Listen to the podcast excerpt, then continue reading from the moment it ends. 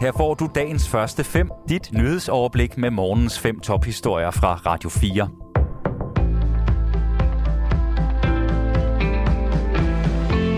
Det er fredag den 21. oktober. Mit navn er Asbjørn Møller. EU-landene er blevet enige om en ny energiaftale. Gennem en række tiltag skal den bringe de skyhøje energipriser ned. På aftalen øh, er blandt andet fælles indkøb af gas og deling af gas, hvis der opstår mangel i EU. Det skal både være med til at sikre billigere indkøb og forsyningssikkerheden i krisesituationer. Aftalen kommer på et tidspunkt, hvor mange husholdninger og virksomheder på tværs af EU kæmper med at betale de høje energiregninger.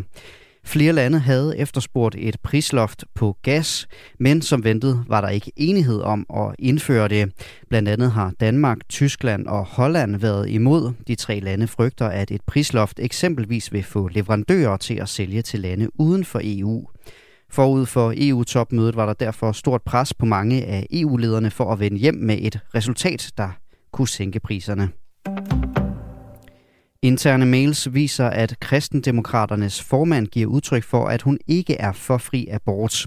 Det skriver Berlingske, der er kommet i besiddelse af en lang række interne e-mails fra partiets top. Korrespondancen viser, at der er store interne stridigheder på abortspørgsmålet i partiet ifølge avisen. Mailsene viser også, at formanden Marianne Karlsmose i foråret sagde, at hun ville melde sig ud af kristendemokraternes ledelse. Det ville hun ifølge Berlingske, fordi holdningen til abort var blevet for progressiv. Jeg er ikke for fri abort, har hun skrevet ifølge Berlingske.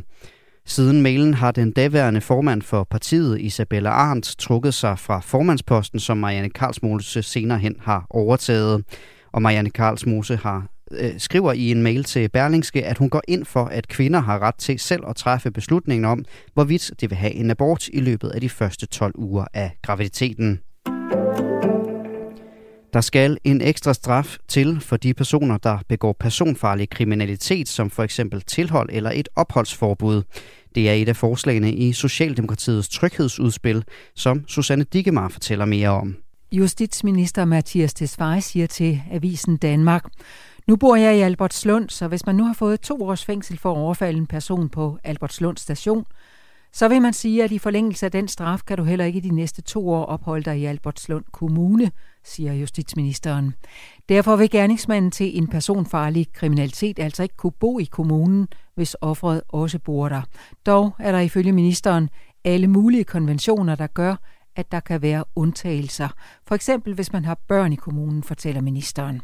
Han mener, at man i fremtiden vil se andre typer af straf end bøder og fængsel, og fremhæver udvisningsdomme som et tidligere eksempel på en anden type straf, der har haft en pædagogisk effekt. Socialdemokratiet vil også have uddannet 150 flere betjente om året fra 2024 til 2030, og derudover skal der åbnes et nyt fængsel med 400 pladser, og så skal der ske hurtigere behandling ved domstolene. Socialdemokratiet forventer, at deres tryghedsplan vil koste omkring 1,5 milliarder kroner. Partiet har i sin 2030-plan afsat 2,5 milliarder kroner til at styrke retssamfundet. Dermed er der 1 milliard yderligere, som Socialdemokratiet vil forhandle med de andre partier om. Tilfredsheden på private plejehjem er ikke højere end på offentlige plejehjem, det skriver Ritzau. Flere politiske partier er kommet med udspil for ældreområdet både i dag og i går. Og i går fortalte Venstres formand Jakob Ellemann Jensen, at der skulle være flere muligheder for at komme til et privat plejehjem. Men to undersøgelser blandt beboere på plejehjem viser, at tilfredsheden er nogenlunde ens. I en national undersøgelse fra Sundhedsdatastyrelsen i 2021 med stikprøver fra hele landet er 74 procent på private plejehjem enten tilfredse eller meget tilfredse, mens tallet er 75,6 procent på de kommunale. En undersøgelse fra Aarhus Kommune viser det samme billede. I USA bekræfter det hvide hus, at Rusland bruger iranske droner i Ukraine. John Kirby, der er talsperson for det hvide hus, siger ifølge Reuters, at russiske tropper på Krimhaløen har betjent iranske droner til angreb i Ukraine. Ifølge ham arbejder Washington på at indføre nye sanktioner mod Teheran, og så undersøger Biden-administrationen, hvordan man kan gøre det sværere for Iran at sælge den slags våben til Rusland. Rusland har indtil videre afvist at bruge iranske droner. Dagens første fem er tilbage igen mandag morgen. Hvis du har brug for en nyhedsopdatering inden da, kan du altid fange os i radioen, på nettet og i vores app. Vi høres ved til dagens første fem fra Radio 4.